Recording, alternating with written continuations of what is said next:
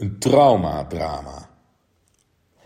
Wanneer is een narcist tevreden? Die vraag gonst door mijn hoofd nu Poetin een wolf in schaapskleren blijkt en als een kat in het nauw dramatische sprongen kan gaan maken. Ik ben niet de eerste die voor de oorzaak van de oorlog naar zijn persoonlijkheid verwijst. Over de omvang van zijn doel kunnen we nog gissen. Over zijn strategie en vermogen nog twijfelen. Maar zijn motief is heel helder: revanche. De wereldwijde eensgezindheid in sancties van landen, bedrijven, aanmerken, banken en organisaties op het gebied van sport, kunst, cultuur en de interne opstand in Moskou drijven hem eerder in het nauw dan hij gedacht zal hebben. Censuur, propaganda, dreigen met kernwapens, daar zal het niet bij blijven. Hij is, volledig gebiologeerd door zijn eigen verhaal, blind voor elke vorm van reflectie en tegenspraak. Er is maar één manier om hem te stoppen. En het duurt nog wel even voordat we zover zijn. Dus de wapenwedloop zal fors zijn. We kennen meer mannen à la Poetin. Narcisme, machtsdenken en psychopathie is helaas een aantal leiders niet vreemd. Wat hen drijft is meestal niet zo moeilijk te beschrijven. Wat hen stopt wel. Het drama is decennia geleden al gestart. Zoals ieder mens traumatiserende dingen meemaakt, zo is ook Poetin gekrenkt. Ik bedoel niet met normale tegenvallers, maar echt ervaren gevaar op het gebied van veiligheid, liefde en bestaansrecht. Verdedigingsmechanisme, in zijn geval een emotieloos körper, doen alles om herhaling van die oorspronkelijke pijnen te voorkomen. Macht is dan een beste verdediging. Narcisme is geboren. Eenmaal op het plus kan de revanche beginnen.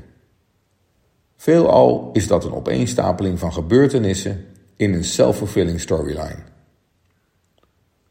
Het verzet van de omgeving is niet bij machten. De vijand wordt uit de weg geruimd. Als je niet voor mij bent, dan ben je tegen mij.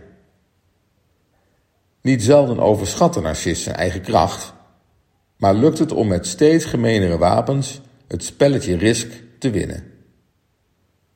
De wil om te winnen heiligt de middelen. Het mooie, tussen aanhalingstekens, van narcisten als Poetin is dat we het gedragspatroon zo duidelijk kunnen zien. Maar ook dichterbij is narcisme debet aan doorgeslagen situaties. Denk aan MeToo-achtige settings waarin machtsverhoudingen zijn misbruikt. En ook in onze arbeidsorganisaties komt het meer voor dan ons lief is. We zien best veel intelligente leiders die een spoor van vernieling nalaten.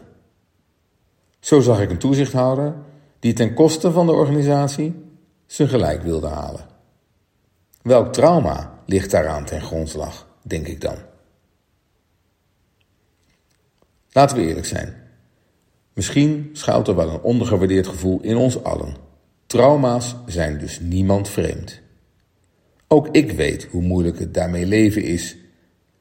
Pijnen van vroeger die niet meer aan de orde zijn, maar in het onderbewuste nog wel steeds aan de touwtjes trekken. Schade en schande. Terug naar mijn openingsvraag. Narcist Poetin is nergens tevreden mee. Het trauma-drama dat hij willens en wetens creëert is werelds. Ik ga hier niet de psycholoog uithangen, maar wat iedereen zich mag afvragen is welk van je gedrag is gebaseerd op oude pijnen. Beter ten halve. Poetin heeft die levensvraag overgeslagen. Mijn verwachting is dat hij ten koste van heel veel, in zijn ogen, tegenstanders, uiteindelijk zelf sneuvelt. Sooner rather than later. Dan krijgt hij toch een beetje zijn zin. Door massaal verzet in Rusland en de rest van de wereld wordt vrede afgedwongen. Niet in de Oekraïne, maar thuis.